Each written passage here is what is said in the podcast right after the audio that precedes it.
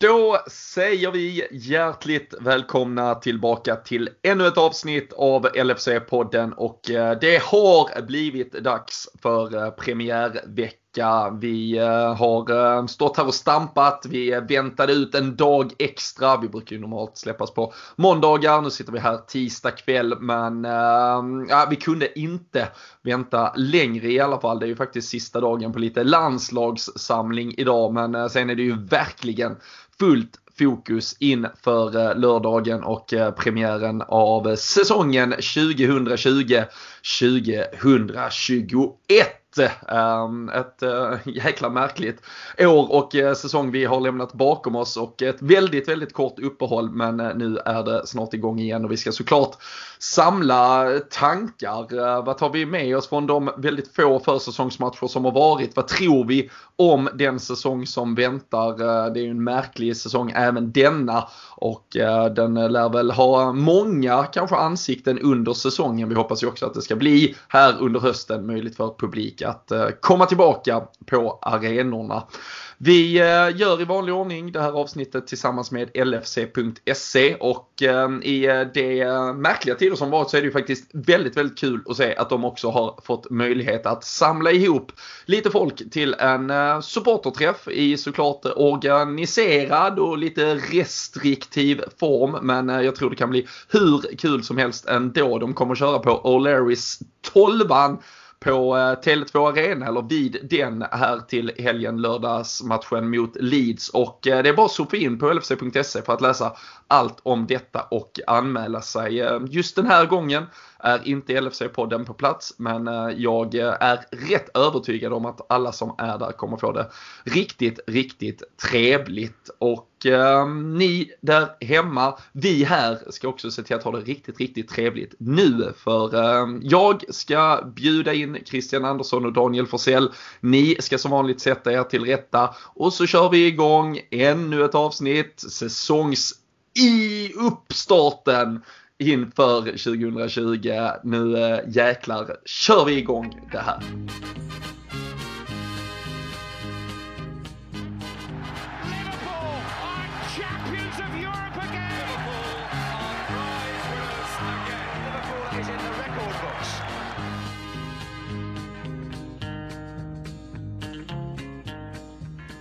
Jajamensan! Eh, nu är det eh, snart skarpt läge. Säsongen står och eh, väntar på oss här på lördag och då är det skönt att känna att man är i trygga händer tillsammans med goda vänner och vi börjar väl med att välkomna in Christian Andersson i värmen. Hur är läget med dig?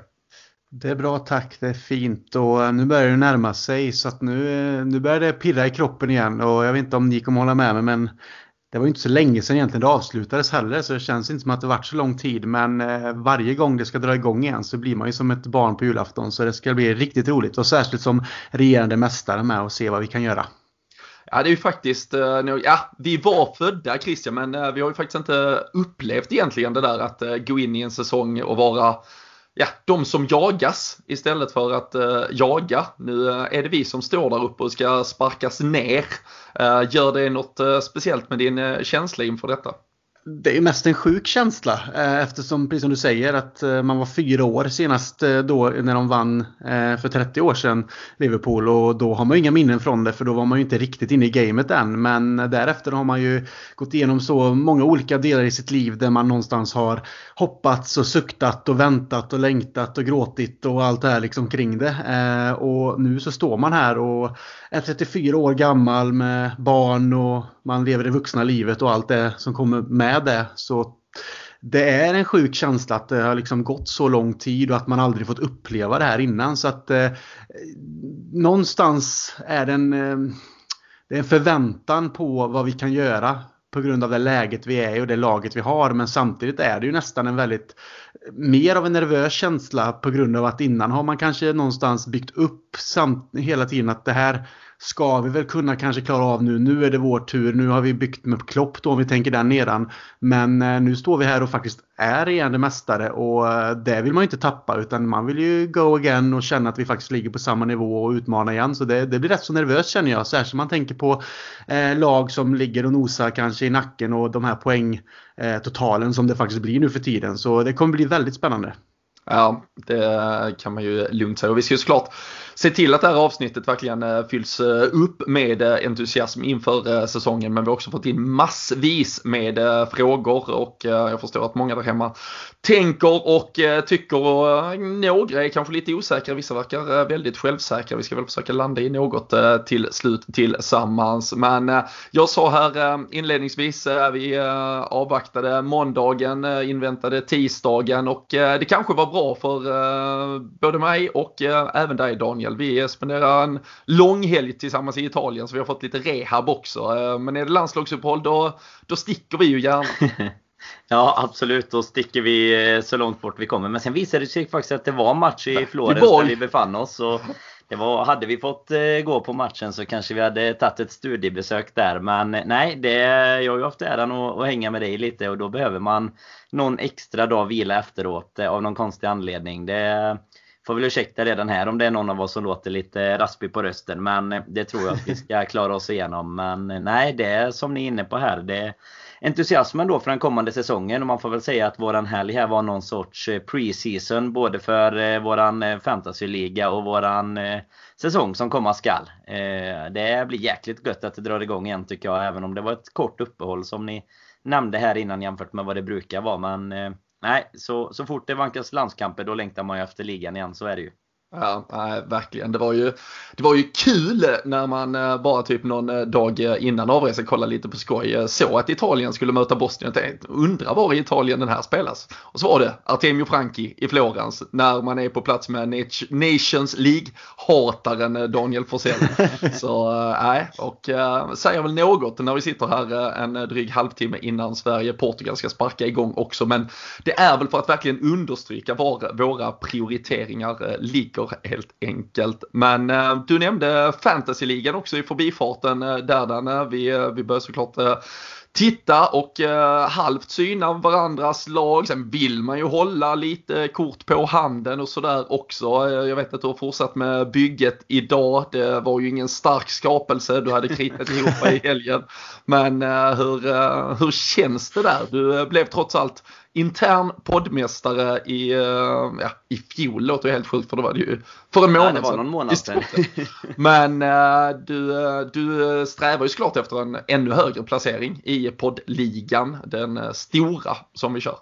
Ja men så är det. Jag, minns jag rätt så blev det väl en 16 plats och det, det, får man ju inga medaljer för. Det har man aldrig fått. Det är ju närmare nedflyttning om man säger så. Så nej, det gör jag och det är lite, alltså det är mer ångest än vad det brukar vara inför säsongen. För det är ju för de som är, är invigda i den fantastiska världen så eh, är det så att United eh, och City spelar ju inte första omgången eller de har ju fått skjuta upp eh, sina matcher och då blir det ju en så kallad blank vecka för dem redan i liksom första omgången. Det brukar ju hända kanske i mitten av, eh, av ligan när man redan hunnit se vilka som sätter sig och sådär. Och sen så är det ju givetvis allt det här sorgliga med att eh, spelare blir sjuka i, i covid här och sådär. Så att det, det kommer vara en extremt märklig säsong både i eh, ska man kalla det, verkligheten och i fantasyligan. Men eh, nej, något bygge ska vi väl kunna knåpa ihop. Men det blir en eh, oerhört tuff vecka eh, tills lördag. Jag, jag längtar till deadline denna veckan. Kanske mer än vad jag längtar till Liverpools avspark nästan.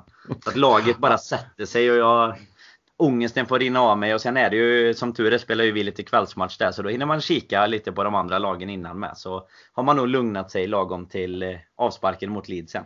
Ja, vågar du eh, avslöja hur det i en ögonblicksbild, och den vet vi kan förändras, men hur ser det ut med Liverpool-närvaro i eh, The Reds? Det, fanns, det finns bara en just nu, det fanns två i morse, så kan jag säga. Det, jag kan komma in på det när vi pratar startelva sen, för jag tror det kommer bli två till slut. Eh, ja. Det är en kille som eh, har lite att bevisa och jag vet inte hur han ska bevisa någonting för mig under veckan här. I och med att jag inte är på Melwood och kikar. Men nej, det är väl lite det här med startelver och man får se lite vad som händer. Och sen har vi ju det här ytterligare ingrediensen som blir lite jobbig den här säsongen är ju att vi har ju haft eh, lyxen i just Premier League nu och ha transferfönstret stängt när ligan drar igång och nu är det Ja det blir väl en tre veckor drygt va? Två, tre veckor mm. in på säsongen som det kommer fortsätta och jag tycker att det känns som att de flesta har ju börjat sippra ut nu de sista dagarna här i och med att Champions League och allt det här avslutades ju ganska nyss med så eh, Nej, det kan, bli, det kan bli stökigt fram till i alla fall det första uppehållet, eh, landslagsuppehållet som väl är efter en fyra omgångar någonting. Men eh, nej, lite Liverpool när var måste man ha. Det finns ju en oerhört given som, eh, som nog alla i världen sitter med ungefär som... Eh, nej, det, vi, vi tar den när elvan kommer helt enkelt. Kan vi ta lite ja. mer Nej, det, ja, det låter bra. Um, Danne är ju personen att uh, slå för er där ute och um, i vanlig ordning så, uh, ja, som alltid egentligen när det är något som kommuniceras uh, så följer ni oss bäst på eh, Twitter och eh, där ligger ju alla koder ni behöver för att uh, anmäla er. Uh, är ni inte uh, aktiva på sociala medier men ändå spelar fantasy så får ni väl pausa och ta fram papper och penna nu så ska vi väl vara så duktiga för jag vet att vissa har frågat via andra håll hur man går med i ligan och då söker man ju på liga och så skriver man in följande kod. Det är 6 A J F 7, 5. Och eh, förstår man inte skånskan så får man lösa det på annat eh, sätt. Men, ja, tydligt.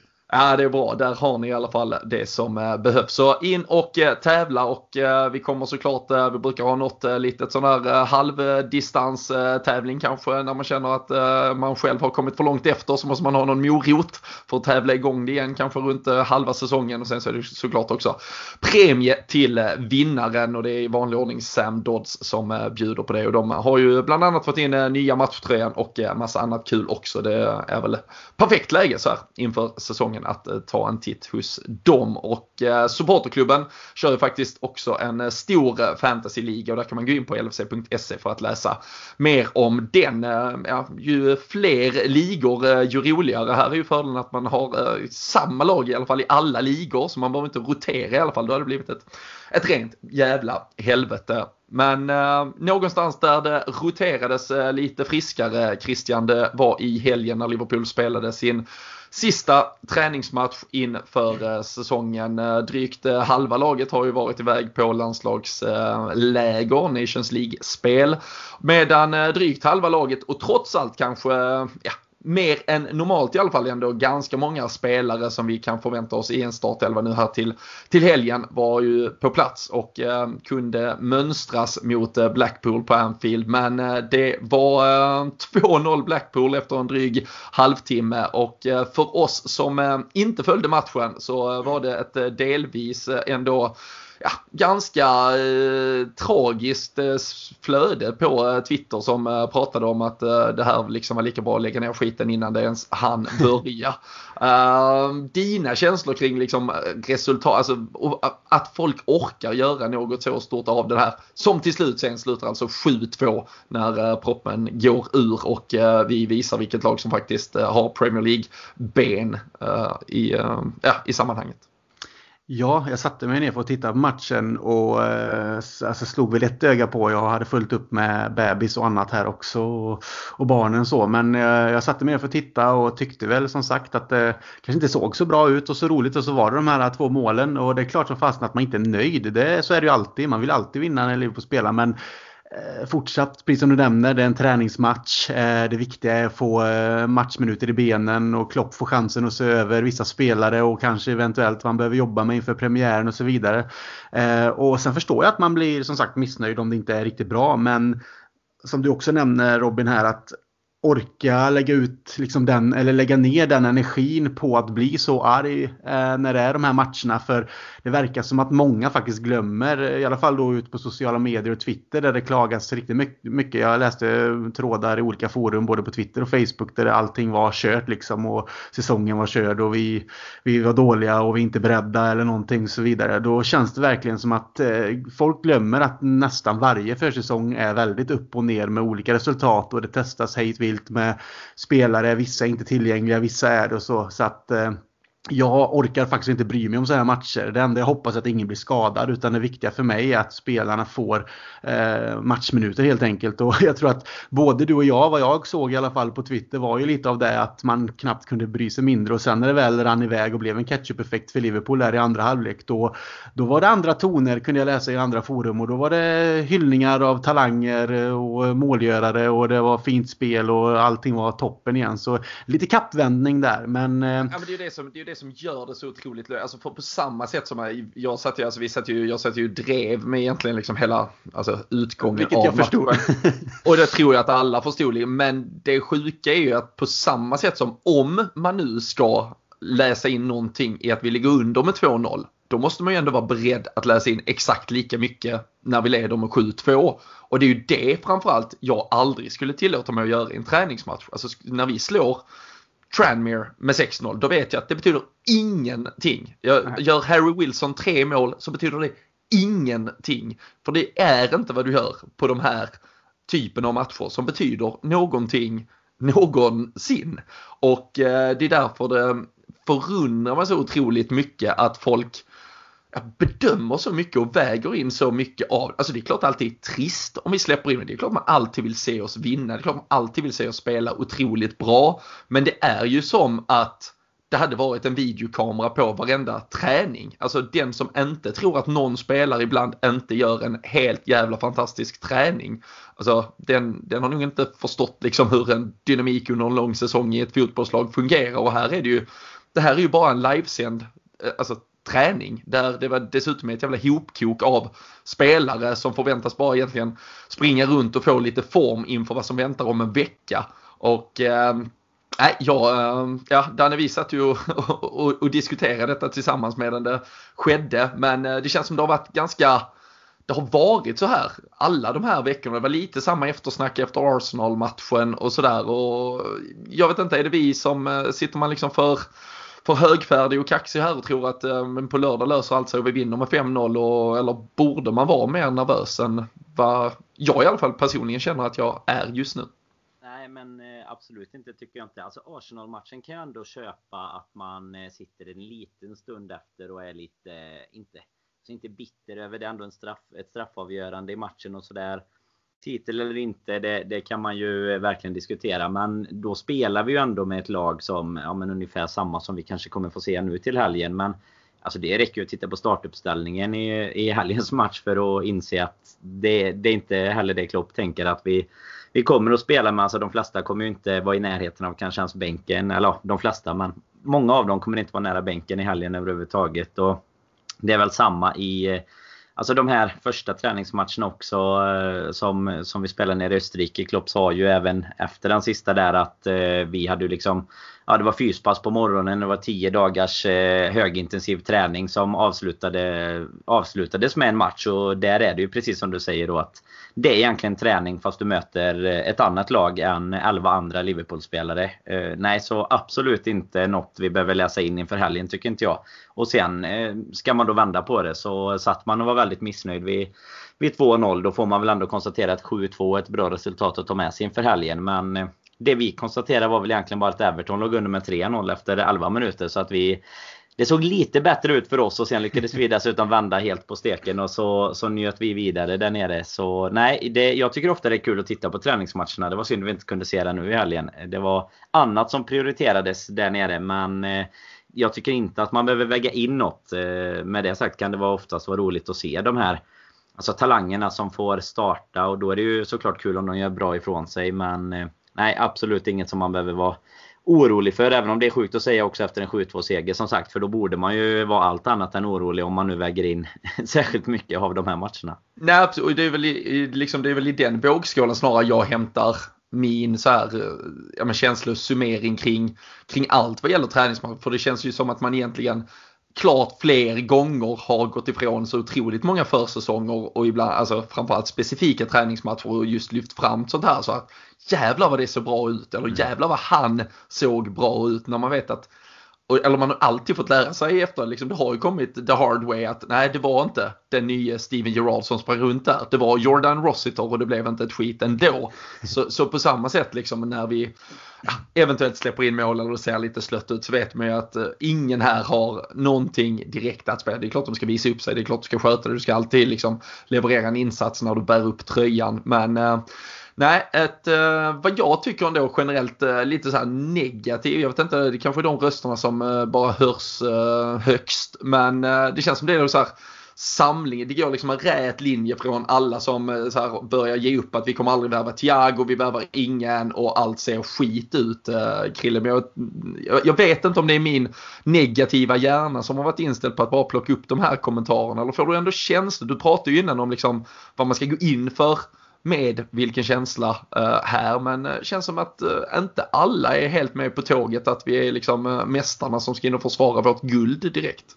Nej, man blir ju lite så här om, om folk faktiskt, de som är negativa då såklart, om det är så att de faktiskt inte har njutit tillräckligt och förstått att vi eh, för inte så länge sedan fortfarande var eh, Champions League-mästare, vilket vi inte är längre såklart. Det var inte så länge sedan som Bayern München tog över det, men vi är fortfarande Champions of the World och regerande Premier League-mästare. Och det är en lång tid framöver och det har ändå gått några månader nu och man liksom har kunnat ändå fira och smutta på det trots läget som det har varit med Corona och allt det här. Så jag menar, man kan inte titta på Liverpool som lag och förening och känna liksom att det är negativt. Liksom vi är på toppen och vi är liksom på, eh, längst upp i näringskedjan tillsammans med några andra klubbar ute i Europa. Jag menar, det, det finns ingenting att klaga på sen att spelet kan se lite dåligt ut under en försäsong och det testas lite olika spelare som jag sa. Det var inte en ordinarie backlinje. Eh, Liksom tittar man på att en sån som van Dijk, Gomez, Trent och Robertson är borta. Det är liksom en av världens bästa backlinjer på det sättet vi spelar fotboll. Sett till poängskörd och hur försvaret fungerar. Och sen eh, tittar man på fronttrion, ja, absolut. Det finns fog i den matchen kanske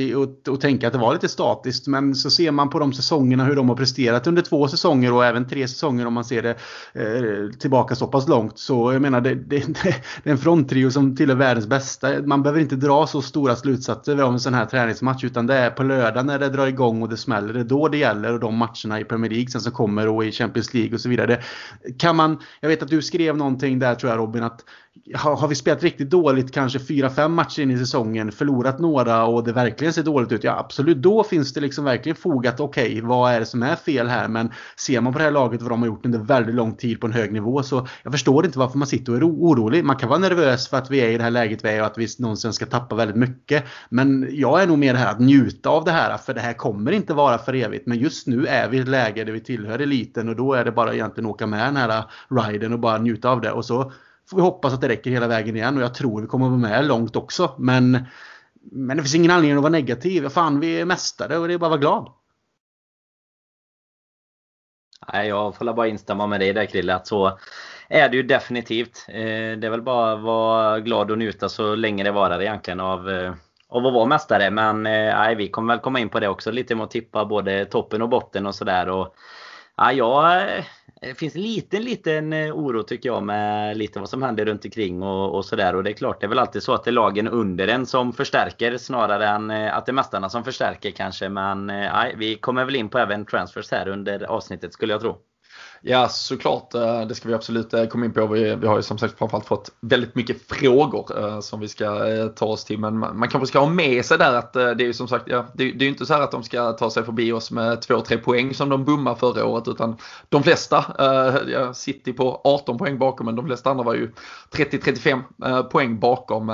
Så det ska göras ganska mycket för att man faktiskt ska komma i kapp. Och än så länge har ju Liverpool egentligen varje gång bevisat att man har varit som allra bäst när det väl gäller, när det väl är dags. Eh, många som ja, visar upp lite och tyder på, eller tycker och antyder att vi från eh, den här restarten i våras inte var riktigt så bra som man hade kunnat förvänta sig. Men, men samtidigt varje gång det det behövde, eller ja, det var ju så, med facit i hand så behövde vi aldrig vinna en match egentligen från den restarten och framåt. Men, men när det liksom eh, behövdes, när vi går in där direkt mot Crystal Palace i omgång två så, så slaktar vi dem av banan och sen dippar det de gånger det inte egentligen betyder så mycket. Och sen, sen avslutar vi snyggt mot Chelsea med massa mål när, när det väl ska liksom delas ut pokaler och så vidare. Så nej, jag, jag, är, jag är än så länge väldigt, väldigt eh, lugn vad gäller eh, det här Liverpool-laget. Och eh, vi får väl faktiskt ta in i stort sett som på någon gammal så här Sportnytt-variant med TT-telegram mitt i sändning för det har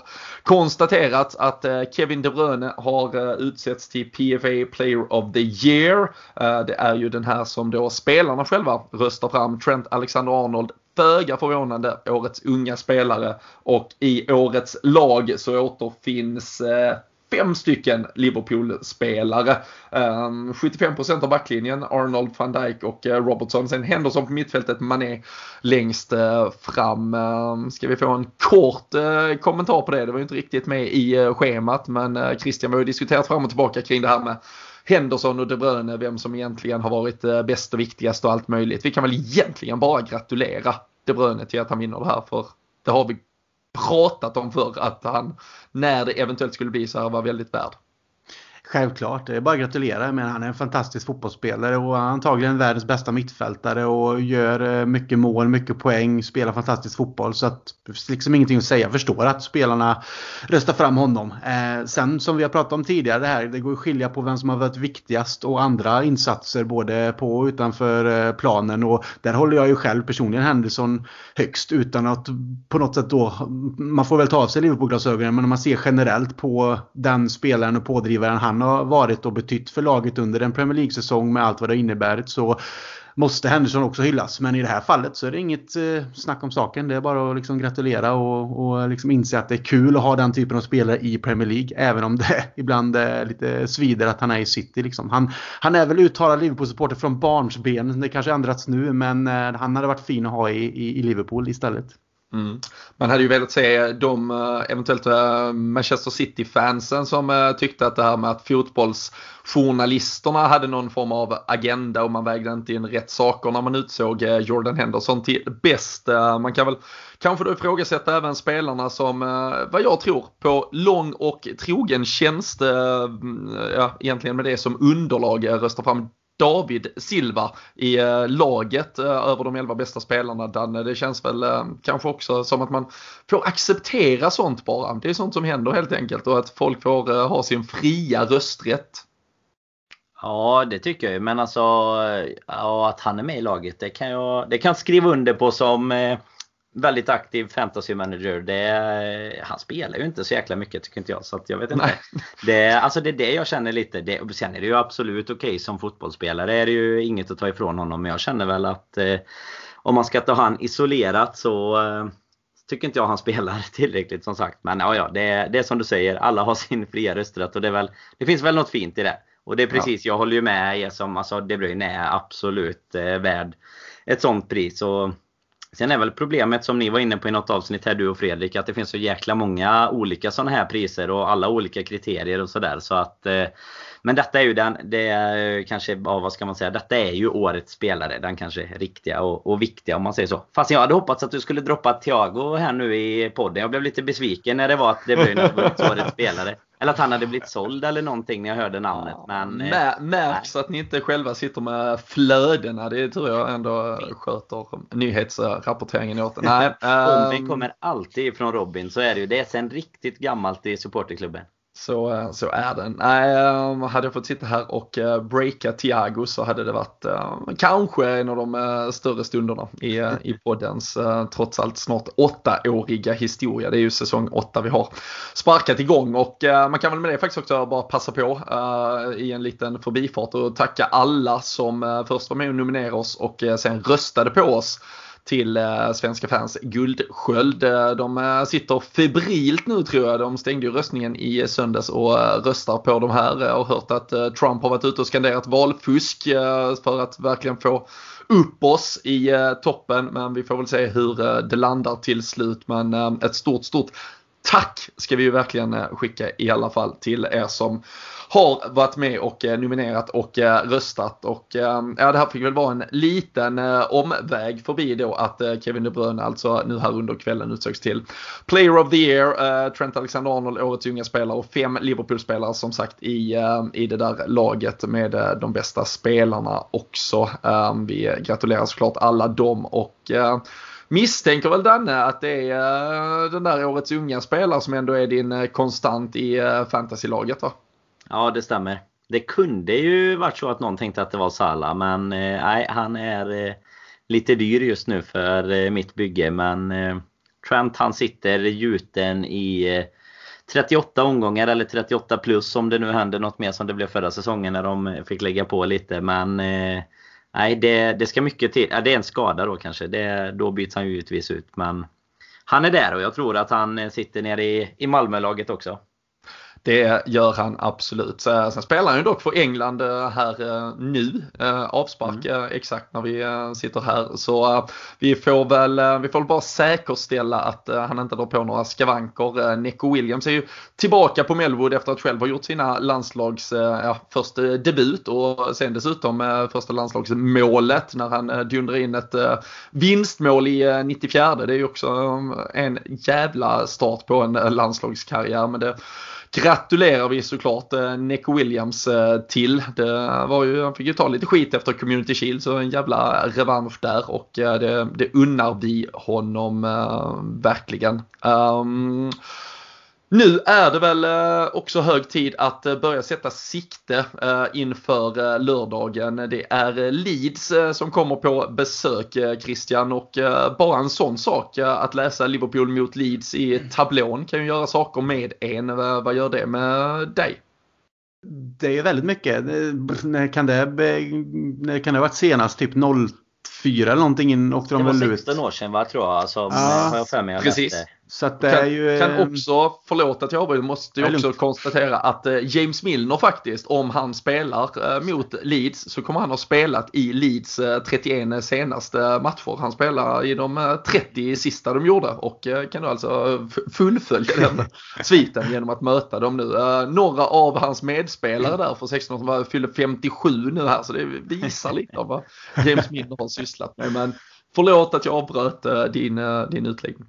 Det är ingen fara. Nej, men det skapar väldigt mycket känslor. För eh, Leeds är ju en klubb som man, när man var i den åldern där och då, liksom, de var ju ett, på, på gång uppåt. Väldigt fina, duktiga spelare. Det var ju Champions League-semi där 02 om jag inte missminner mig. Och liksom ett, ett lag som man tittar på och hade fina profiler. Liksom med QL och Viduka och Alan Smith och Ferdinand. Det var ett riktigt kul lag. Och det var väl en typ av match med som man ofta stod och vägde. Liverpool kunde vinna någon och Leeds kunde vinna någon och sen är det ju ett anrikt gammalt lag och det var väl en, jag ska inte säga att det var en av mina stora sorger men kanske lite som man var lite bitter över när jag bodde i England att man faktiskt aldrig fick möjligheten att se Liverpool Leeds eller Leeds Liverpool för den delen.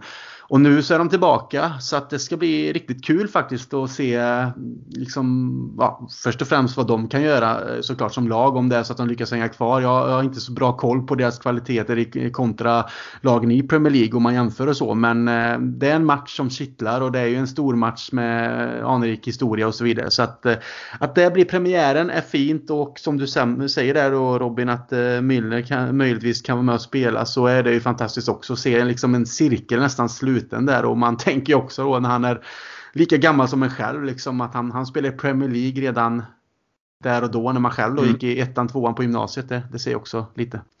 ja, ja, ja och det, det, det värsta är väl att då hade han redan varit i Premier League ett par år också. Uh, nej, en uh, jävla järnmänniska. La upp en uh, skön bild på sina sociala medier. Han är väl uh, bäst i laget. Uh, Andy Robertson kanske som uh, utmanar lite men uh, det stod ju, det var ju både Klopp stod där och så var det väl Nat Phillips och Curtis Jones och någonting som stod garvade medan uh, Milner själv stod och ställde in klockan och så var det liksom uh, löpträning. Inte, det var inte lika glada miner efteråt från, från övriga så jag tror han tog väl kommandot och strev slut på, på hela gänget.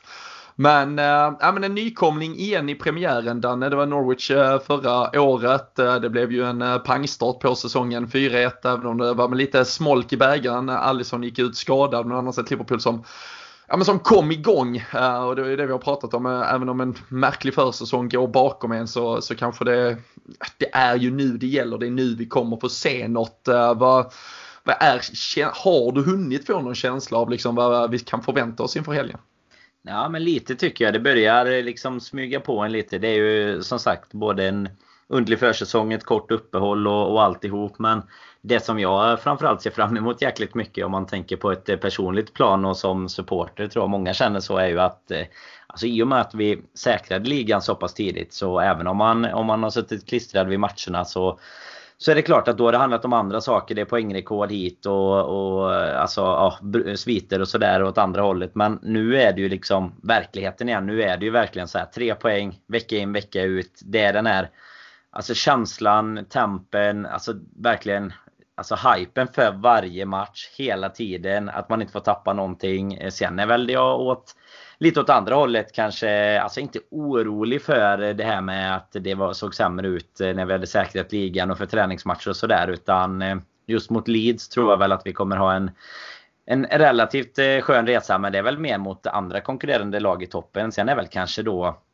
problemet ibland, nu, nu säger jag egentligen emot mig själv med Norwich-premiären förra året som såg så bra ut då. Men jag tycker ju ofta att många nykomlingar eh, har ju en tendens att kanske börja jäkligt starkt för att sedan falna lite när verkligheten kommer ikapp. Och eh, det är väl eh, faran med att möta en nykomling i premiären och framförallt kanske då ett Bielsa-lag, en väldigt rutinerad coach och sen dessutom ett lag som har varit jäkligt duktiga på att stänga igen bakåt. Så att frågan är om de eventuellt skulle kunna tänka sig att bara liksom parkera och verkligen eh, kämpa 0-0 när man eh, går in mot de regerande mästarna. Det är ju ingen som förväntar sig någonting eh, av Leeds såklart. Och det, jag vet inte, det passar inte alltid oss. Men eh, förhoppningsvis har väl Klopp några nycklar till att dyrka upp det där också. Mm. Ja, nej, absolut. Jag, helt eh, det du det kom nästa, alltså, jag var tvungen att bearbeta med när du pratade om men det blir ju faktiskt, man inser ju egentligen att inte en enda faktiskt av de här matcherna utan publik har ju faktiskt, om vi nu ska vara helt ärliga, betytt någonting för oss som Liverpool-supportrar. Det är ju mycket man har pratat om, att man har inte haft samma tändning kanske, eller man har inte mm. känt att det var på riktigt och sådär. Men det har ju faktiskt i ärlighetens namn inte varit en enda match. För jag vet bara hur jag gick ifrån när man hade försökt se Bundesliga-matcher och engageras i fotbollen och tyckte ah det gick kanske en vecka eller två. Så var det så. Sen var det plötsligt Liverpool igen. Då blev det ännu en entusiasm. Det blev ju absolut en höjning ändå tyckte jag när man fick se sitt eget lag. Sen kom det ju till exempel som Chelsea-matchen eller när det liksom började bli klart och allting och bara till exempel City mot Chelsea som var den som på något mm. sätt eller som var den som avgjorde. Där, där kände man en helt annan taggning. Men nu vet man ju här så blir det inte tre poäng då är det ju, då är det verkligen två eller i värsta fall tre tappade och de kommer liksom inte tillbaka uh, längre fram. Så eh, nej det ska bli uh, för jävla härligt och häftigt på något sätt att sätta sig ner och verkligen se en match som man vet betyder uh, ja, men liv och död igen uh, på något sätt. Och det, nej, det kommer att vara jävligt, jävligt häftigt och eh, jag tror att väldigt många eh, fotbollsälskare där ute också bara ser fram emot som du var inne på, du nämnde Bielsa, så Klopp mot Bielsa och eh, nu känns det ju som att Leeds kan kan välja väl lite approach. Du var inne på god och solida defensivt visade de ju förra säsongen. De gick ju direkt upp i Premier League efter väldigt många olika playoff-debacle de senaste åren. Och eh, samtidigt så, alltså väldigt stark offensivt också. Har ju dessutom fått in Rodrigo från Valencia till exempel. Nu kommer vara svårt, alltså det känns ju lite som roulette här vilka startelvor man väl får se när eh, det är dags. Vi ska ju prata vår också. Um, har ju ett uh, ja, bra mittfält med Hernandez och Harrison. De har Calvin Phillips som faktiskt startar för England idag. Så det var första leadspelaren sedan typ 2003 som startade för eh, det engelska landslaget. Och det är ju en spelare som för min del gått helt under radarn. Men, eh, men uppenbarligen med massa spelare som har gjort det väldigt, väldigt bra. Och eh, pratar man fantasy så är det mycket deras ytterbackar man tittar på som uh, har fått mycket skriverier kring sig. Så det är ett lag som, som verkligen kan uh, spela en, eh, liksom en, ja, en, en, attraktiv fotboll. Det är ju en hög press och liksom, vi vet vilket jobb ett uh, Bjälsalag alltid kommer att lägga ner. Så ehm, Nej, det är fan Krille, köper du in dig på att uh, taggningen och peppen uh, börjar komma på ett annat sätt nu när det ska bli på riktigt? Ja, men det är nog som jag sa i början, den här pirret som kommer. En liten skräckblandad förtjusning, precis som ni båda säger här, att nu är det ju tre poäng i, i varje match som gäller. Och den här både frustration om det inte går riktigt som man vill kanske i matchen och det inte flyter på eller den här eh, otroliga nästan lite energiska glädjen och liksom man nästan biter tänder, ut tänderna på sig själv för man trycker ihop dem så näven i luften om man gör mål. Det, det är helt annat än slutet av säsongen först och främst för det långa uppehållet och med allt vad det innebar och sen att vi ändå, som ni också nämnde, inte hade så mycket kanske att spela för där och då. Vi visste att det antagligen skulle gå vägen ändå till liksom 99%. Så att nu är det ju verkligen match för match som Danne sa att man kommer känna nervositet för det finns eh, alla, alla lagen där ute kommer vilja slå oss nu och just de här typen av eh, lag som Leeds och andra som finns i Premier League. Det är liksom inga lätta matcher utan det gäller att man kan vinna när man även spelar så bra. Men jag hoppas att vi någonstans kan komma ut på plan och, och, och vara mästare. Och även om det är Leeds som kan komma upp med mycket energi för att de faktiskt är tillbaka i Premier League så så känslan är, är positiv men eh, det, är, det är nervöst på ett helt annat sätt än vad det var i slutet av förra säsongen. Så att, eh, det, är både, det är både lite obehagligt men också jävligt skönt för det är den typen av fotboll och de känslorna som jag behöver som supporter för att njuta ordentligt. Att både kunna vara riktigt, riktigt glad men också fan riktigt förbannad ibland. Det, det är ju det som är det härliga med fotbollen. Ja, så är det. Och ska det spelas fotboll och premiär så krävs det ju att man har en premiärelva eh, redo att eh, ställa upp. Det är inte bara vi laptop managers Danne som mm. våndas även om det känns fan som att Klopp är mer säker på hur han tar ut Liverpools lag än vad vi kommer att vara. Det får vi väl hoppas ändå. Det hade varit jobbigt om han sitter där lördag morgon och väljer liksom mellan en och en timme innan det deadline så sitter han och bara nej nu jag gör ett sista byte. Ja. Det är väl kanske däremot äh, mittfältet som han äh, har lite slantsingling framför sig. Ska vi vara så ska vi snabbspola igenom i stort sett vad vi tror är en ordinarie fronttrio. En äh, backlinje där vi kanske bara ska stanna vid och diskutera Joe Gomez eller Joel Matip. jag vet faktiskt att vi har fått en fråga på den också. Du kan väl börja fundera vem du tycker ska börja nu den här premiären bredvid van Dijk så ska jag hitta vem du har som fråga oss den kloka frågan. Ja men absolut. Jag, eh, det, det är som du säger, alltså, vi kan ju börja med att fronttrion kommer ju vara vad den alltid är. Eh, Alisson kommer stå i mål och sen så um, ser backlinjen ut som vanligt. Men då kommer jag väl säga att jag tycker att Gomes eh, går in. Eller jag, jag, tycker väl att det är dags att eh, det här eh, som såg så fantastiskt ut innan han skadade sig, Gomes. Eh, att, det, att det börjar bli dags att försöka cementera det. Han är fortfarande så pass ung också. Så så lyckas vi eh, verkligen etablera ett mittlås där, Gomes van Dijk. Så, så tycker jag att man nästan bör prioritera det. För det hade varit en sak om Matip var, var igång och var liksom en, alltså inte överlägset bättre behöver han inte vara, men en, en tydligt sett bättre fotbollsspelare än Gomes. Då tycker jag inte att man ska spela in ett mittbackspar bara för att. Men deras eh, historik talar för sig själv och eh, nej, jag tycker att det är mer läge att satsa på Gomes och så är väl Matip en bra backup så. Eh, jag tycker inte han behöver lämna på något sätt nu efter att Lovren lämnat också. Så eh,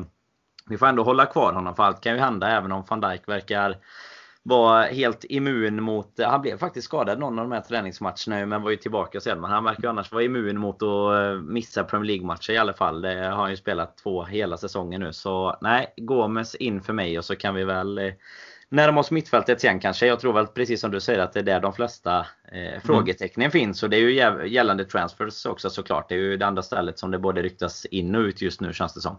Precis. Eh, nej, det var eh, frågan kommer från eh, Niklas Johansson. Han frågade där vem som spelar när båda är friska då med, med hänsyn till Gomes och Matip. Han tycker Gomes högsta nivå är bättre men att Gomes står för en del misstag. Fick ju bland annat lite pikar från Raheem Sterling här under landslagssamlingen när han gav bort en straff mot Island och så spelar han ju faktiskt ikväll. Återigen då från start för det engelska landslaget. Matip gjorde ju mål till och med i den här mycket märkliga träningsmatchen matchen i eh, helgen. Eh, en kort eh, kommentar från dig också Krille, kanske både vad du tycker långsiktigt men också kanske då bara med hänsyn till lördagen med tanke på igår med spelar landskamp idag, tidigast tillbaka imorgon, hinner kanske bara få en träning eller två eller har han ändå tillräckligt mycket historik med van Dijk för att det där ska vara försvaret som vi sätter direkt från premiären här?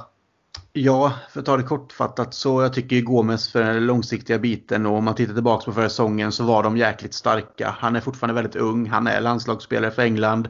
Han är iväg nu att spela som du sa men jag tycker att vi ska sätta det direkt. Han hinner vila ändå några dagar här och man vet ju inte riktigt vad det är för träningar och så men inför en match är det lite lugnare och jag tror att Klopp också vill sätta någonstans kanske den backlinjen som, som ska spela som mest. Så eh, jag tror Gomes och hoppas Gomes men eh, Matip som Danne säger där är ju en perfekt backup och kommer säkert få sin beskärda del av matcher med när det är tajt spelschema. Han är ju inte dålig, han är bra han också. Så det är fint att ha dem men jag väljer Gomes. Det ehm, gör jag också. Ehm, så vi är i alla fall överens. Och så hoppas och tror vi äh, väl att Klopp också är det. Men äh, som äh, du nämnde Danne så är det ju mittfältet som, ja, men som egentligen har varit det enda under två år som har behövt diskuteras här när vi har pratat upp matcher. Och situationen är väl kanske ändå lite mer, liksom, inte extrem men annorlunda än vad det har varit tidigare säsonger. Det har ju varit ja, men i stort sett ett äh, spikat mittfält också. Äh, det har väl varit lite verkligen äh, så här när det har varit väldigt tydliga olika och nya matchplaner som eventuellt ska spelas. Men annars har det ju Fabinho, Gini Wijnaldum och Jordan Henderson haft äh, väldigt bergfasta äh, platser i det där laget. Äh, Fabinho kanske den enda som man känner är helt säker inför premiären nu här på lördag. Jordan Henderson är ju nyligen tillbaka i träning. Gini Wijnaldum ryktas bort. Naby Keita inledde, inledde ju försäsongen otroligt fint. Men sen var det James Milner plötsligt som var i eh, startelvan mot Arsenal. Hur tror och tänker du eh, att eh, dels att Klopp resonerar, hur hade du själv resonerat och ställt upp mittfältet på lördag? Alltså om jag skulle utgå ifrån att Henderson är matchredo, vilket jag kanske känner mig lite osäker på i och med att han då missat egentligen hela den här korta försäsongen och med, med matchen och sådär. Så hade jag väl sagt att han är den första man skriver ner tillsammans med Fabinho och sen Sen är det ju lite det här med Vinaldum om han nu är på väg bort eller inte. Vart är skallen? Det tänker man ju inte alltid på men det känns som en ganska vital del tycker jag för de flesta fotbollstränarna. Att så här, är, är eh, han 100% här och redo att leverera liksom? Och då då hade jag nog eh, kanske valt att starta med honom i en sån här match. Eller, alltså det, det är väldigt hugget som stucket med Keita därför samtidigt tycker jag att vi möter ju ett Leeds där jag kan tänka mig som jag nämnde innan att eh, de kanske kommer vara väldigt nöjda med att backa hem och, och spela lite defensivt. Och då då finns det väl en anledning att tro att en Keita som är lite någorlunda i form i alla fall har eh, fler vägar och och ta sig igenom ett eh, lite mer eh, defensivt lag då. Men det, vi har ju sett det också att det är inte alltid så enkelt för honom. Men eh, det är ju även den andra spelaren som jag funderar på till mitt fantasybygge. Så att Känns han aktuell så kommer han återfinnas både hos Klopp och hos mitt fantasylag.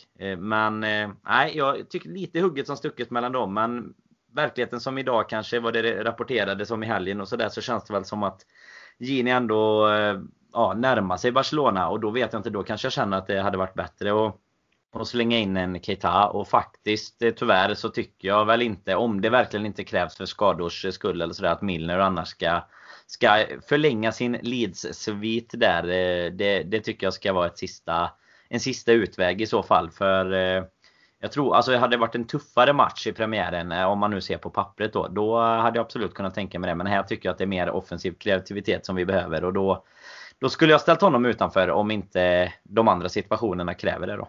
Mm.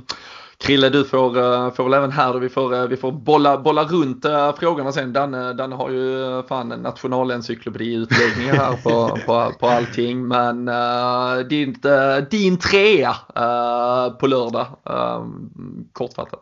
Jag brukar också hålla långa utlägg men jag ska hålla det kort. Jag, jag tror att eh, faktiskt Wijnaldum kommer spela Även liksom på grund av eh, ryktena, eller inte på grund av, men trots ryktena menar jag. Och eh, det känns som att ändå Klopp kan förlita sig på det. Fabinho är väl självskriven. Sen Henderson vet man ju inte där då på grund av skadan. Jag tror faktiskt att Milner kan få spela på grund av att det kan vara en eh, tuff start och jag tror att Klopp förlitar sig på honom. Så jag, jag, tror faktiskt att det kan bli en trio med Wijnaldum, Fabinho och, och Milner just för att ta ett starkt mittfält med kämpa på ett mot ett lag som kan vara liksom jobbiga att möta. Men hade jag fått önska själv så vill jag att Keita ska spela. För jag tycker att han erbjuder någonting annat och som Danne var inne på med kanske ett elit som går ner på lågt försvar och så. Men jag tror inte att det blir så även om jag själv hade velat se det. Så att jag tror att det blir mer ett förlita sig på mittfält från Klopps sida i den här premiären. Just för att det är premiär och man kanske behöver det i den första matchen för att sätta någon slags nivå där man vet att man har pådrivare, kaptensmaterial och så vidare. Men, eh, men eh, vi får se.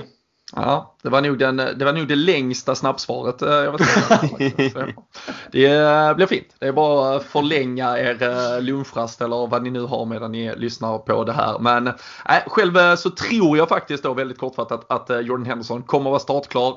Han och Fabinho är självskrivna i så fall och så tror jag det blir en plats till Naby Keita. Um, det, jag tror att det kommer att vara vårt bästa mittfält. Då jag också tror att Wijnaldum kommer att lämna.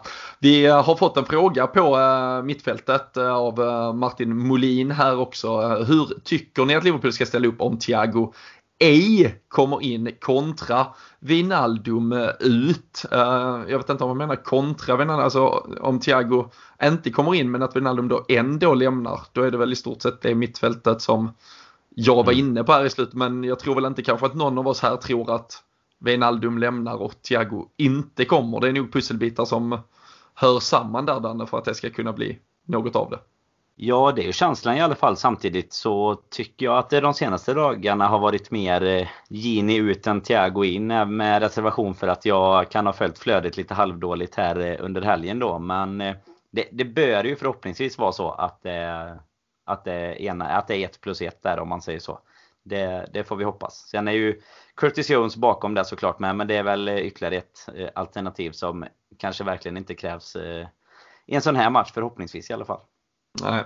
Äh, så är det. Äh, från trion eh, konstaterar vi ju var eh, självskriven eh, men vi har fått en fråga på dem också som vi kanske kan passa på att ta den när vi ändå diskuterar den här premiärelvan. Det är från Joakim Öberg Lövdal, Krille och ehm, han ställer sig lite frågande, verkar det väl som kanske. Hur länge håller Salah, Mané och Firmino? Ehm, de är väl åldersmässigt på väg in vad man brukar prata om, en form av prime. Ehm, Ehm, sen eh, spelar de gärna i stort sett varje match. Det är väldigt hög belastning på dem. Vi vet att de gillar att spela när de väl spelar. Vi vet att det är mycket maxlöpningar. Ehm, men ehm, ja, och stundtals diskuterar man ju att det är formdippar på många av dem. Men sen brukar vi alltid summera säsongerna med att det har varit helt eh, sjuka stats ändå.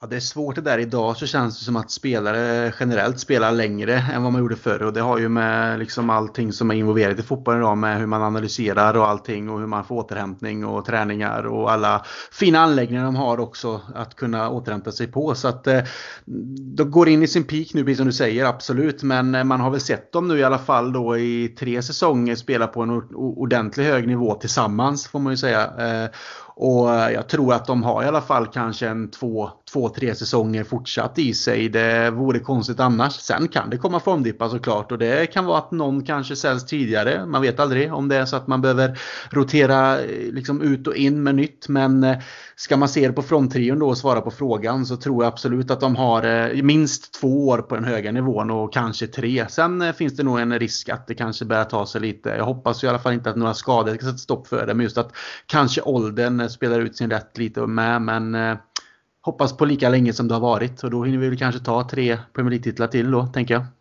Ja, det, det hade ju hade inte varit helt fel i alla fall. Men jag tror också jag tror absolut de har eh, ett par år till i eh, någon eh, form av prime. Jag tror mycket väl att ja, en Salah eller Mané kan liksom göra sin det som kommer vara liksom deras bästa säsong i, i Liverpool. Den kan, den kan de mycket väl ha framför sig. Jag tror i Firminus del så kommer det nog bara bli ännu mer tydligare med åren vilka rollspelare han är. jag tror alla har sett klippet från, från helgens match. Ifall man inte konsumerade hela så bör man i alla fall ha tagit del av det. Då är han liksom nere och spelar ja, men som en, eh, ja, men i Fabinhos roll i stort sett och, och täcker upp precis framför backlinjen vid ett eh, Blackpool-anfall och sen så är han den första som egentligen sträcker ut deras backlinje med en djupledslöpning och, och sätter upp ett, eh, ett mål istället. Och det, att ha en anfallare, alltså att ha en nummer nio eh, som gör sådana saker, det, det, är så otroligt unikt och det blir så konstigt varje gång man pratar om hans eventuella målskytte eller poängproduktion. För det, det finns ingen att jämföra med. Eh, alltså äpplen och päron räcker inte som liksom, om man säger, felaktig beskrivning av eh, hur man eh, förhåller saker till varandra. Utan det här är, det är, han är så otroligt unik eh, och jag tror också att det kommer göra att han Hans roll snarare kommer förändras eh, säkert över flera år eh, i Liverpool-tröjan. Det var jag eh, hoppas i alla fall. Men det verkar som att vi har en ganska så Um, likväl alltså en samsyn på en startelva här till uh, premiären. Uh, frågan är om vi har en samsyn kring uh, hur det här egentligen kommer sluta. Och vi vet ju att det bara finns ett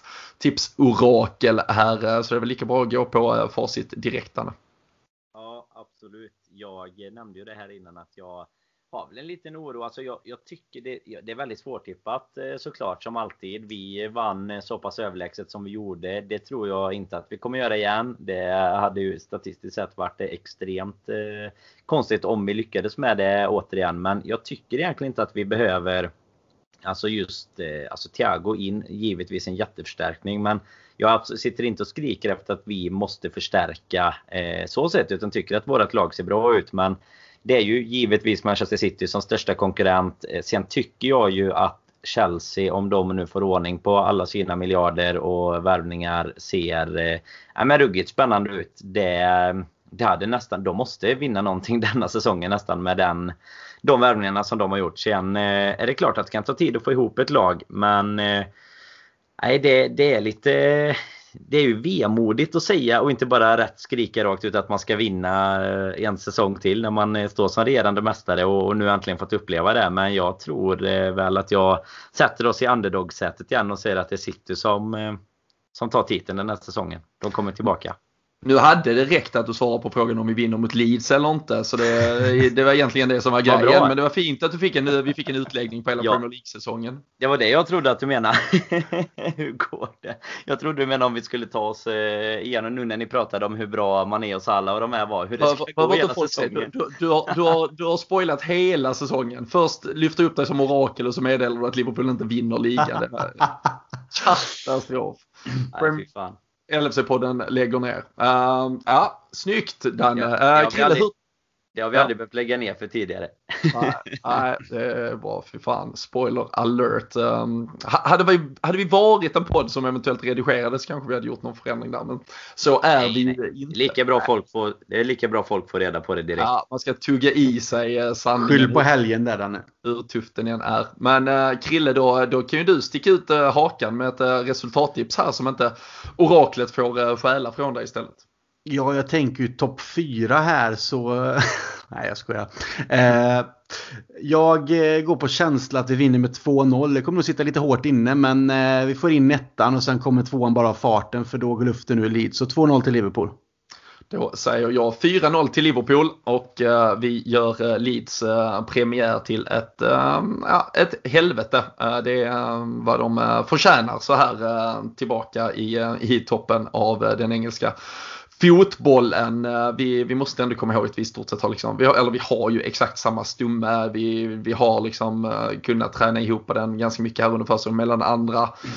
Alla andra lag uh, har uh, värvat och det ska förändras och det ska byggas något nytt och det ska uh, koka samman idéer och man först ska få saker att uh, fungera. Jag, jag är superoptimistisk inför den här säsongen. Jag är den första att uh, liksom vifta vit flagg ifall det här skiter sig redan efter tre, fyra omgångar. Men uh, jag, tycker det, jag tycker inte det finns någonting som tyder på att Liverpool skulle vara mindre för, alltså jag, det, mindre förberett än något annat lag vore så jävla sjukt att ens påstå. Alltså vi är i den absolut bästa situationen av alla lag skulle jag säga. Alltså, som sagt Chelsea, superspännande. De har massa nya spelare på väg in. City, där är det ju snarare en, en David Silva som sagt som har slutat. Det är lite förändringar, det ska in lite nytt blod ändå. Det ska byggas, byggas om lite. De vet att de måste uh, upp och verkligen utmana. De måste egentligen ta tillbaka titeln med de pengarna de snurrar runt och ett Champions League-fiasko. Och så otroligt många andra lag runt omkring oss och framförallt om man tar ett par steg bakom oss. Vi ser Everton som är, alltså det, det ska byggas nytt. Att det ska flyga från första dagen, det brukar det inte göra. Uh, och uh, då är det väldigt mycket mer som tyder på att Liverpool skulle kunna uh, ta ett par om så billiga poäng här inledningsvis. Så jag, jag ser verkligen fram emot det. Jag är försiktig inför det men jävligt optimistisk. Jag, jag tror på Liverpool att flyga ut ur blocken. Men även om det känns lite sjukt att vara den positiva personen. Men, ja, det är du inte känd för i vanliga fall Nej, annars, att det ska vara det... du. Men du, förra säsongen så tror jag ändå att du tog över den taktpinnen lite kanske. Jag vet inte. Ja. Det men jag, det gillar vi. Men jag håller med dig Robin där. Jag menar vi, fan, vi är ett lag som har spelat ihop oss nu under ett par säsonger och tagit tunga titlar. Vi har samma spelare på plan, ingen som har försvunnit ur startelvan om man tänker så. Det är världsspelare på de flesta positioner. Vi, vi är verkligen ett lag och harmonin är på topp med en eh, manager i världsklass som nu vet hur det är att vinna de här tyngsta titlarna som finns där och att kunna då kora sig Premier League-mästare här nu senast och gå in i en säsong med att vi är laget som alla vill slå. Visst, det blir en ny tuff uppgift och en helt annan situation som vi inte varit i tidigare. Men jag litar ju verkligen på känslan att vi är det här laget som, eh, som känner varandra utan och innan och som Henderson har sagt i en intervju med att de är beredda verkligen att jag ska inte säga död, det är lite drastiskt, men de liksom går igenom eh, eld och vatten för varandra för att hela tiden vinna. Och det känns som att alla delar den tanken. Så att jag går också in med den här optimismen. Att jag är inte orolig. Det finns alltid nervositet som jag sa just i de här matcherna. Men fan, vi är riktigt bra och som sagt inga konstigheter. Utan det här är kanske den första säsongen någonsin där man faktiskt känner att vi kommer kunna vara med där uppe hela vägen, eh, vilket vi har varit tidigare, men på det här sättet som mästare. För eh, vi har jagat så länge. Nu är det en ny era. Nu är det vi som ska jagas istället och vi ska visa att det, det kommer inte bli lätt. Jag vill ju inte gå in med något litet sånt där häxtrollspö och bryta någon sorts romans här eh, över det. Men ja, det är ju som oroar mig lite. Med Regn i Borås. det måste vara det. Nej men det är ju det här, vi har ju nämnt det innan också, men det är ju det här den här mentala biten. Nu har vi vunnit Champions League, nu har vi vunnit ligan. Ligan har alltid varit liksom nummer ett. Jag hoppas verkligen inte att det kommer att påverka spelarna men Alltså lite det här att, jag ska inte säga att de blir mätta men nu har vi ändå gjort det någonstans. Alltså de, de har lyckats med det som har varit det här sjuka drivet, det sjuka målet, alltså hela, hela tiden. Och jag hoppas verkligen inte att det kommer att påverka, att vi kommer märka någonting av det. Men det är väl det som eventuellt oroar mig lite, för vi vet alla hur svårt det är att bli back-to-back -back i både Champions League, eh, Premier League och, och allt vad det är. Det är liksom extremt hård konkurrens och ja, de som är nedanför, det är alltid de som givetvis förstärker och ja, hittar nya anledningar att förstöra för det laget som är på topp såklart. Eh, ska man inte gå in och ta över stafettpinnen på negativitet från eh, Robin eh, anno 2015 eller något här. Men det är väl det som oroar mig lite kanske. Snarare ja. än att det är några träningsmatcher eller något post lockdown-spel liksom. Utan men jag hoppas först av alla att jag har fel såklart. Ja, den, eh, den där eh, brasklappen har jag ju redan eh, slagit hål på genom just det märkliga säsongsavslutningen det blev där förra säsongen. Jag tror verkligen att spelarna vill vill vinna ett eh, guld som eh, också kan firas med eh, fulla läktare och eh, att man eh, störtar rakt ut på eh, byn och eh, firar skjortan av sig och eh, allt annat. Så eh, jag tror ändå vi är blessing in disguise där rent sett ur ett bara titelmässigt sammanhang och sen måste vi också upp på, på 20 Vi kan ju faktiskt inte låta Manchester United vara ensamma där så jag tror vi har motivationen i oss. Men för att kunna gå tillbaka för att kunna häckla varandra om inte annat och eh, kanske framförallt för att Danny ändå avslöjar ungefär eh, första hälften där av en eh, topp sexa. Så eh, har vi väl eh, bestämt att vi ska avkräva varandra på hur vi tror att topp 6 slutar och eh, här får ni inte motivera för det har vi i stort sett inte tid med. Vi har massa andra frågor vi ska få plats med. Men Daniel Forsell, du får börja. Hur tror du att topp 6 slutar? Nej men då får vi väl bara dra den. Då blir det City, det blir Liverpool, eh, det blir Chelsea, det blir United, sen blir det Spurs och så får Arsenal ta eh, sjätteplatsen. Så det får liksom bli ett, eh, det får bli top 6 eller Big Six eller vad man nu kallade oss en gång i tiden. Mm. Har, du, har du en bubblare på någon som eventuellt skulle utmana? Nej, men Wolverhampton ser ju fina ut. Jag tror att Southampton kommer göra en bättre säsong än vad de har gjort innan. Och så kanske det finns något mer med det jag låter er eh, ja, prata i podden ja. också. Det är trevligt. Man vill vara trevlig. Ja, det är fint. Man ska dela med sig av uh, den uh, tid och plats som finns här på jorden. Christian, din topp sexa? Ja, jag börjar nerifrån och upp då, lite mer spännande känner jag. så att jag har faktiskt satt på sjätte plats Leicester.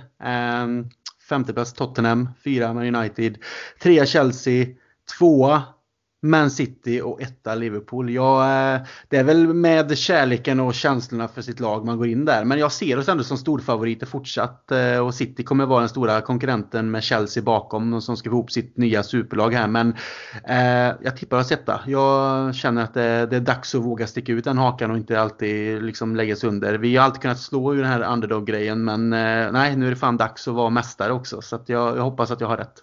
Ja, det gör eh, jag också. Eh, för det betyder att jag har eh, rätt till stor del också i alla fall i toppen. Jag tror Liverpool eh, vinner, jag tror Manchester City kommer tvåa, jag tror Chelsea kommer trea, Manchester United kommer fyra, Arsenal femma, Spurs sexa. Eh, så det var i stort sett som Danne där, det var väl omvänt mm. på eh, norra London bara. Däremot så tror jag att Leicester faktiskt kan få det riktigt, jag tror det kan bli choke på dem fullständigt. Det är min känsla också, jag tänkte säga det när Krille var med, med dem i toppen. Jag tror att det liksom så här, de hade sin ride, de tappade lite i slutet på säsongen och nu bara luften ur på något sätt och var du ett år äldre och lite sådär.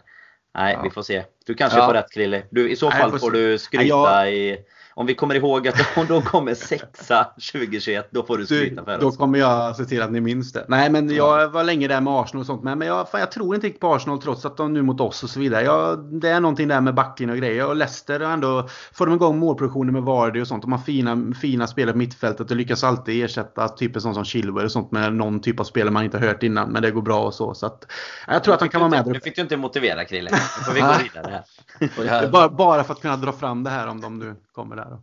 Ja, härligt. Eh, vi eh, har eh, passerat timmen och eller närmat oss den i alla fall. Vi snuddade nog precis här men har massvis med frågor vi har fått in från er lyssnare och vi ska såklart inte vara sämre än att vi försöker besvara så många av dem som möjligt. Och jag tycker väl att vi kan börja kanske här med en fråga från Henke Karlsson eh, och eh, kan vi väl eh, skicka den direkt till Borås.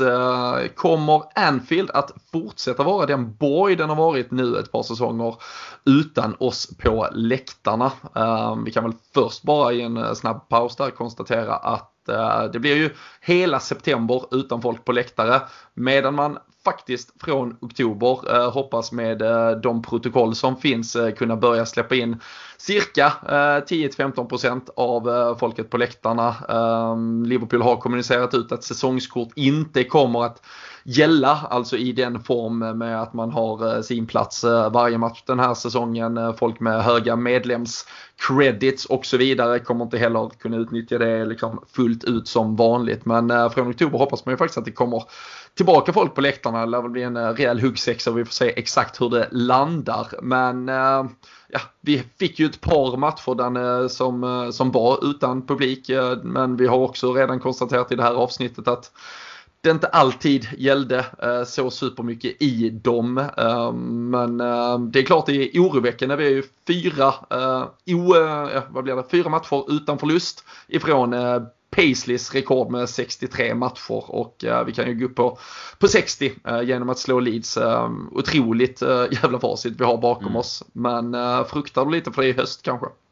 Nej, men det gör jag faktiskt inte. Inte just att, det skulle, att Anfield skulle bli eh, sämre på något sätt. Jag tror väl att det det i så fall är, är en så här, om man har det tufft de sista 10 minuterna så tror jag att läktarna kan göra mycket. Men jag tror ändå, alltså känslan är att det här med hemmaplan ändå spelar roll tycker jag.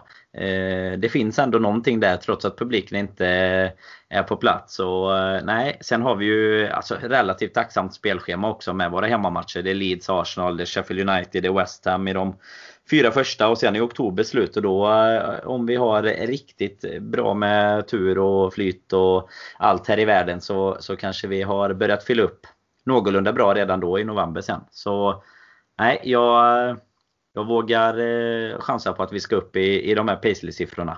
Mm. Ja, härligt. Det är ju Sheffield United, jag eh, har inte datumet på kan typ 23 uh, oktober tror jag kanske. Vi börjar ju, det är ju dels ett landslagsuppehåll i oktober och så har vi två bortamatcher i oktober så vi är väldigt uh, mm. om så här, sent inne så Anfield blir nog faktiskt kanske den sista läktaren som uh, släpper in publik, uh, slutet där. Men ehm, det, det, kommer att spelas förhoppningsvis med någon del av publik på läktaren och jag tror väl också att vi, alltså det känns på något sätt som att det inte bara det är klart att inramningen har sitt de här liksom stora kvällarna. Men det är också någon bekvämlighet Christian alltid när vi spelar. Alltså det är så otroligt tydligt. Det är som att man, det är en helt annan spelplan. Det är som att man vet exakt hur man ska göra när man kommer dit. Och framförallt så måste motståndarna på något sätt anpassa sig. Så det känns inte som att det bara är publiken numera som styr vilken typ av match det blir på Anfield. Utan också bara de ja, i stort sett grundläggande förutsättningarna.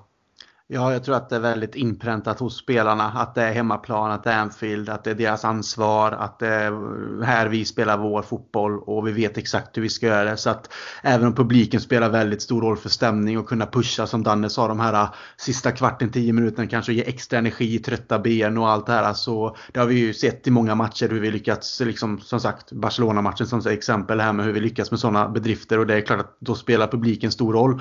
Men i det stora hela som sagt så tror jag faktiskt att det är så. De är så professionella och har lärt sig det. Så att eh, hemmaplan, hemmaplan, Anfield kommer vad jag tror fortsätta vara den borgen. Och förhoppningsvis får vi in eh, publik snart som ni säger. Men jag tror att vi lyckas med det här rekordet faktiskt. Det, det känns som att det är så pass, eh, det sitter i ryggraden nu så det är inga problem. Mm. Härligt. Um, Emrik Johansson uh, frågar uh, vad vi tror och uh, vad vi tycker om målsättningen inför uh, säsongen och vad den bör vara. Uh, vann CL för två år sedan, PL i fjol och hur tycker vi då att vi ska prioritera eventuellt de olika turneringarna? Eh, vi vet ju att eh, Champions League drar igång lite senare än normalt, eh, jag tror det är slutet av oktober. Och sen så har vi ju ligacup, FA-cup, ett par små justeringar i exakt spelschema kring dem. Men annars är det ju som, som vanligt så att säga med alla cuper som ska spelas åtminstone. Hur, hur tycker du vi ska resonera där Danne? Och uh, tänka, nu vet vi att Klopp har haft ganska tydliga prioriteringar på detta tidigare, tror du det blir ännu extremare på grund av rådande läge? Men, eh, till att börja med en jäkligt intressant fråga. För det, det slog mig själv när jag läste frågan här tidigare idag att man har ju alltid haft Premier League som det här stora målet eh, liksom som supporter och man vet att klubben har strävat efter det i och med den här långa torkan som var och eh, då, då blir det ju genast lite intressant att tänka på det för jag menar alla andra alltså lag tycker ju alltid att Champions League är det absolut viktigaste att vinna så det personligen har ju jag inte trillat över dit i alla fall. Utan jag känner väl att Premier League bör vara målet. Vi är regerande mästare. Det är ändå eh, något väldigt stort. Alltså Premier League räknas som den kanske den bästa ligan eh, så sett även om det inte gick så bra i, i Europacuperna detta året. Men eh, nej, för mig är det prio i alla fall och jag tror faktiskt att Klopp, eh, fort, alltså han kommer nog tycka att Premier League och Champions League i alla fall. Sen vilken av dem som, som kanske väger tyngst till slut. Men eh, jag, jag, tror att han kommer ha samma uttalade tydliga mål med att satsa på dem. Så särskilt nu eftersom det kommer bli sådär att det blir lite tight med matchandet och det ska in lite landskamper och, och sådär. Så eh, då tror jag att vi kommer få se de spelarna ännu mer nu nästan i kupperna som inte får spela i vanliga fall. För nu kommer det krävas lite mer vila kanske mellan, ja, för de andra spelarna helt enkelt då. Mm. Ja, alltså ska jag, min, min känsla i alla fall, för nu är det både, eller Emrik eh, frågar här vad vi, både vad vi tror och vad vi tycker. Uh, men jag tycker att målsättningen ska vara att vinna Premier League, försvara den och få den uh, jävla dunderfesten som det mm. bör vara att vinna Premier League tillsammans med liksom ett fullsatt Anfield. Um, så, så om jag hade fått bestämma så hade liksom, kan vi, kan vi få det så kan vi skita i Champions League till och med. Vi kan skita verkligen i de andra turneringarna. Um, och uh, jag tror som eh, du är inne på att uh, Premier League den, den är nu liksom ändå 51-49 versus Champions League. Men jag tror att Klopp håller dem lika. Sen tror jag att det kan bli extremt med cupspel. Alltså där tror jag att vi, alltså har folk klagat på att vi ställer upp med svaga lag för så finns det nog en jävligt överhängande risk att vi gör det igen. Och eh, det är ju många som pratar om liksom eh, eh all, all cupglorifiering i England, Krille, men eh, kanske just i alla fall denna säsongen så måste man nog eh, få ursäktas om man väljer att eh, helt rangordna ner dem längst ner i skafferiet. Ja absolut. Jag personligen gillar FA-cupen och vill vinna FA-cupen men den står absolut inte i närheten eh, på min placering för att vinna Premier League och Champions League utan det är ju en generell eh, liksom, bonus nu om man liksom tar sig långt i den och kan vinna den. Utan jag håller med dig Robin där att eh, prioritering är Premier League just för att faktiskt lyckas och försvara en titel, vilket inte hänt sedan typ 2009 eller vad det var. Ehm, och eh, sedan Champions League, det är liksom eh, en turnering vi har gått väldigt långt i det senaste och vunnit en final eller, som vi förlorade och en final som vi vann och sen åkte vi ut nu senast. Men jag menar det är, det är starkt fortsatt och jag hoppas vi kan utmana där igen. Så det är de två som är prio. Men väldigt mycket Premier League, precis som det du är inne på, att få den här jävla festen på plats. Att kunna förhoppningsvis vara där och att kunna få sluta upp med folk och se en stad som blir eh, invaderad av eh, röda själar från hela världen egentligen och få det där. Det, det där prioriteringen och känslan hos mig ligger i alla fall. Så de två och sen får FA-cupen gärna rinna med längs vägen och ligacupen kan vi spela vad vi vill egentligen. Ja. Eller med. Ja, nej absolut. Eh, jag tror vi har en någorlunda, eh, i alla fall eh, gemensam samsyn på det här. Efter att jag gjorde en stark insats som TT-rapporter här tidigare kan jag också meddela nu att Dejan Lovren har gjort ett jävla drömmål för Kroatien mot Frankrike. Den, inte Thiago den här gången heller, men Fan, det är frisparksskytte i Sankt Petersburg och kupptitel direkt han kom dit och nu sänker han Frank. Ja, det är fan, var är ångerknappen? Vad lite, vad lite festande VM-fylld kan göra med en kille alltså. Ja, vilken, äh, vilken hjälte. Men äh, här är fortsatt väldigt många frågor vi ska igenom och Magnus Roth, han har såklart lite tankar kring Thiago och om det nu behöver att ja, men säljas för att köpas eh, och vi vet ju att eh, prislappen som eh, diskuteras är ju kanske runt 25-30 miljoner euro. Han har ju bara ett år kvar på kontraktet i Bayern München. Ehm, om det nu är så att vi behöver finansiera det på eget sätt, hur är det då ens möjligt att vi inte redan sålt spelare som till exempel Marko Grujic och Harry Wilson? För mig är det en gåta, eller är det bara lönen som är problemet? Ehm, vad tror och tänker du kring det här? Det finns ju mycket olika aspekter såklart med allt det här med Corona. Hur Matchday revenues, allt biljettförsäljningar. Alltså vi, det har vi gått igenom lite tidigare i podden. Men ska man bara dra ner det till hans fråga om man säger så. Om eh, varför vi inte har eh, sålt dem för att finansiera. Om det skulle vara det. Då eh, kan jag skriva under direkt. Då undrar jag samma sak. För det känns det som att det är spelare som liksom är de är lite för långt ifrån och någonsin kunna ta en en startplats och då hade det gjort väldigt mycket mer för klubben och för laget att få in en eh, Thiago. Jag vet inte vad ni känner. Om, det, om ni håller med mig. Nej men alltså det är klart att man, man, man undrar väl, alltså jag har ju, jag har ju fortfarande en eh, naiv eh, övertygelse om att det här kommer att lösa sig men, eh, men man undrar absolut kanske varför det inte har gjort eh, det redan. Eh, vi såg ju att det var eh, plus minus noll affärer egentligen när, när Lovren försvann och vi plockade in Simikas och, och är det så att nu pengar ska in innan de ska ut och jag vet vi har fått lite frågor om den här Swiss Ramble sammanställningen och vi kan väl gå in och titta lite på den alldeles strax också så, så är det klart att hade det varit möjligt att lösa Thiago tidigare eh, så är det klart att vi borde ha jobbat mycket, mycket mer aktivt på att säkerställa den finansieringen. Eh, sen ska man ju då komma ihåg att eh, han först var iväg och spelade, han spelade Champions League fram till finalen. Han har precis varit iväg med spanska landslaget. Bayern München skulle ju ha återsamlats idag för obligatoriska coronatester. men han har fått ledigt tills vidare och jag tycker väl att det tyder på att han kommer ju inte åka till Tyskland ens utan han kommer ju vid nästa läge åka till, eh, till Liverpool eh, istället. Eh, det är i alla fall min fortsatt kanske då eh, som sagt naiva eh, övertygelse. Men, eh, men jag tror verkligen det kan. Men om vi gör om den frågan lite och tänker mer på det här med utgående spelare. Det ryktas ju om en Harry Wilson, just Leeds till exempel, Aston Villa har varit intresserade. Nytt idag också ryktas Rian Brewster verkar ha väldigt många spekulanter. Krilla, är du förvånad att vi ändå är kvar med hela den breda truppen så här liksom fyra dagar före premiären?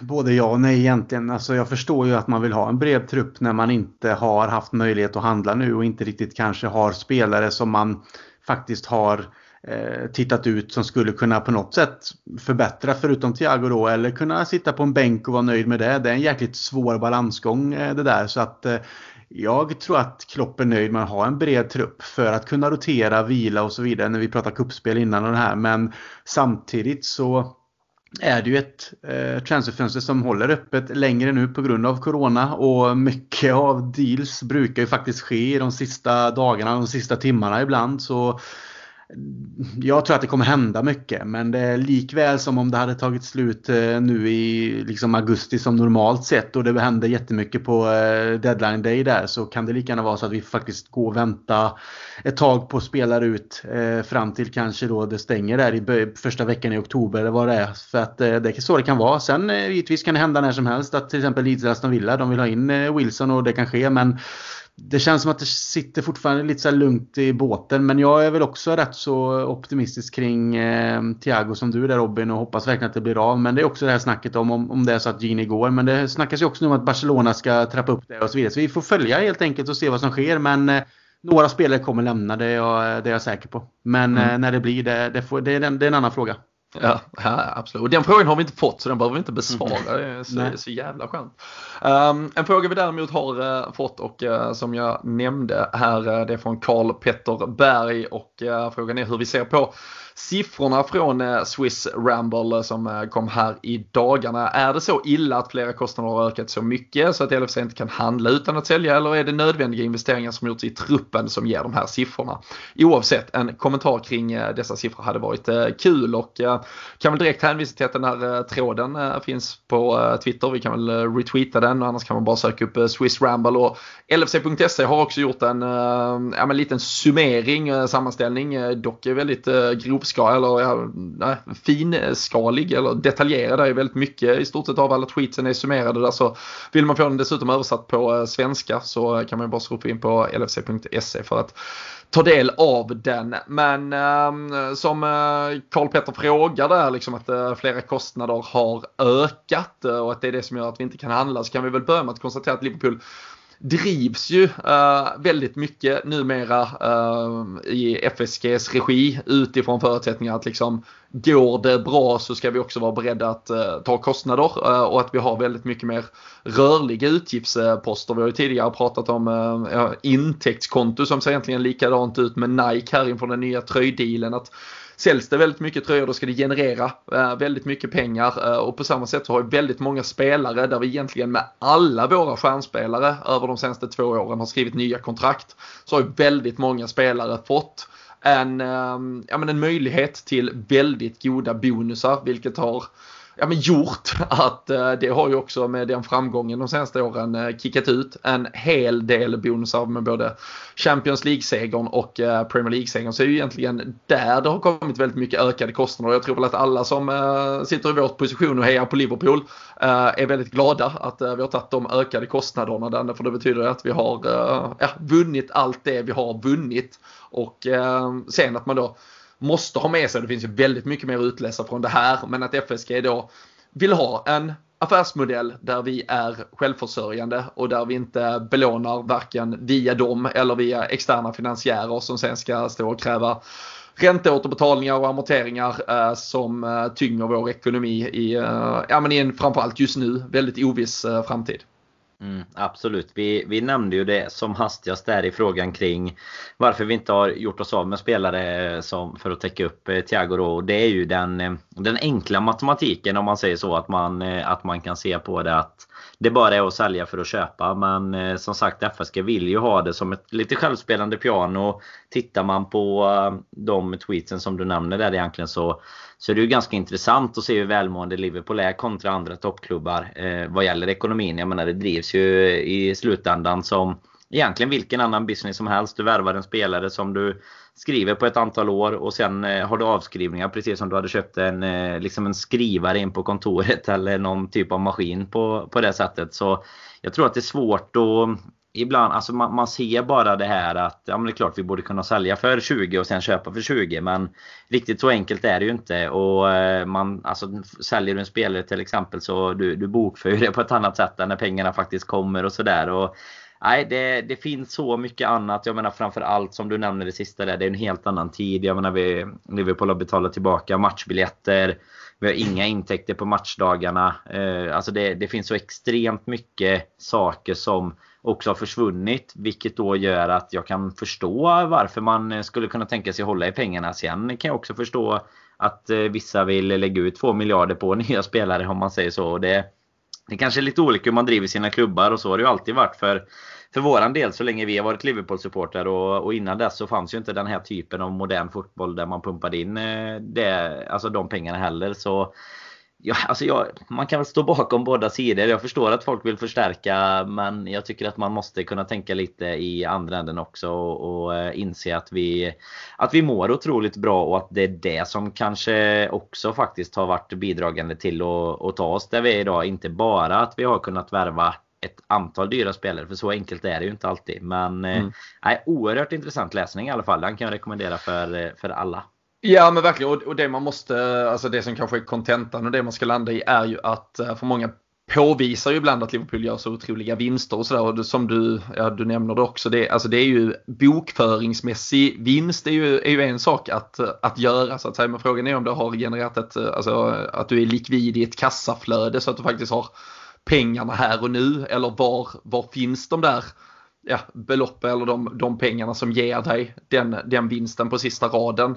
Och eh, det är ju där man ser kontentan eh, tycker jag av mycket från den här sammanställningen där Liverpool har ett, kassa, alltså ett kassaflöde som, som är väldigt med likvida medel som är väldigt mycket lägre än i alla fall till exempel Manchester City, med Chelsea och eh, Manchester United eh, tror jag det var, nu ska jag inte vara helt säker. Ja, det är i alla fall, de flesta toppklubbarna där har i alla fall väldigt mycket större utrymme om man säger i direkta plånboken medan till exempel Tottenham och jag tror det är om det är Arsenal eller om det är Tottenham och Chelsea istället som gör extrema underskott men då måste de ju låna till sig de här pengarna och det är ju där problemet, är. det är den grejen Liverpool, det är inte att Liverpool inte vill, alltså kan gå med minus om man säger bokföringstekniskt eller att det ska vara ett nödvändigtvis jättestort plus. Men däremot så ska pengarna finnas likvitt för att kunna göra de affärerna man vill kunna göra. Och ska vi köpa en Tiago på, på, eh, med ett kontrakt som går ut om att alltså Bayern München vill ha de pengarna här och nu. Så nu ska det antagligen cashbetalas de pengarna saknas och då måste vi för det kan man inte trolla, vi kan inte betala med en del av vår arena. Däremot i vår bokföring så har vi en superekonomi för vi har en jättefin nybyggd arena men vi kan inte betala med den. Och det är ju den som, det är där då uh, de här pengarna måste frigöras för att faktiskt kunna betala och det är ju genom att de pengarna, den typen av pengar, kontanter, kan vi ju först få in genom att sälja en spelare och sen kunna betala eh, Bayern München i eh, stället. Så, så det, är ju inte, det handlar ju inte om att vi, eh, eller så hade vi kunnat ta ett eh, lån men då hade det blivit massa räntor och då blir det massa extra betalningar för att göra det och det vill de undvika. Och eh, de vill inte heller att klubben står och betalar de massa ränta. Alltså eh, Glazer-familjen i United tar väl tillbaka ett eh, par, närmare 100 miljoner från klubbens kassa varje år rakt ner i sin ficka för att de har lånat ut pengar en gång i tiden. Medan FSG då, de gånger de eventuellt lånar ut pengar gör det räntefritt och, och då vill de ju göra det till ja, saker som de vet med säkerhet håller sitt värde, till exempel byggnadsprojekt och så vidare och inte för att eh, värva spelare där man aldrig vet om det går eh, rätt eller fel. Men eh, det är en djungel Krille eh, det här men eh, man blir väl lite lite klokare om man läser sammanställningen i alla fall. Ja men det är intressant och jag tycker ni båda är inne på viktiga delar i det. Och jag kan ju se det också på ett sätt som att jag vill och, eh, relativt lugna i vassen förra sommaren. Och vi gör det den här sommaren nu och under hösten såklart som det blir. Men skulle det vara så att det kommer loss pengar av försäljningar och vi kan få in en Thiago så är jag väldigt nöjd med hur det ser ut. Det är liksom en supertrupp och en superlag fortsatt med en, en världsklasspelare som i så fall kommer in. Men jag är relativt lugn om det är så att han faktiskt inte kommer in heller för vi är fortfarande på toppen. Och sen får man inte glömma att det är inte jättelänge sedan som FSG även har investerat i, med såklart en försäljning, men vi har fått in en Becker, van Dijk som har varit så viktiga för oss och sen har de byggt ut arenan och hade planer på att bygga ut arenan ytterligare men fick sätta det stopp nu på grund av pandemin och sånt. Så det är ju väldigt mycket pengar som försvinner också där kring eh, biljettintäkter och liksom allting som kommer med att det är folk på plats och allting som säljs och så vidare. Så att det är inga, det är, inga, det, det, det är typ småsummor i det stora sammanhanget men i långa lopp loppet blir det ju en del pengar. Så man får ändå vara lite försiktig med framtiden innan vi vet var vi landar med, efter pandemin och hur allting ser ut. Så jag tycker att de, de sköter allting väldigt snyggt. Det är professionellt, det känns tryggt och jag är stolt över att vara supporter till ett lag som faktiskt inte drivs av till exempel hur Chelsea drivs eller Man City drivs. Jag, jag gillar det. Sen kan man alltid vilja ha mycket pengar, och köpa alla spelare men på det sättet som Liverpool har nått toppen är ju faktiskt det mest eh, vackra sättet kan jag tycka personligen. Så att det är ju all heder till klubben och Klopp och spelarna som har lyckats med de här bedrifterna de senaste två åren. Ja.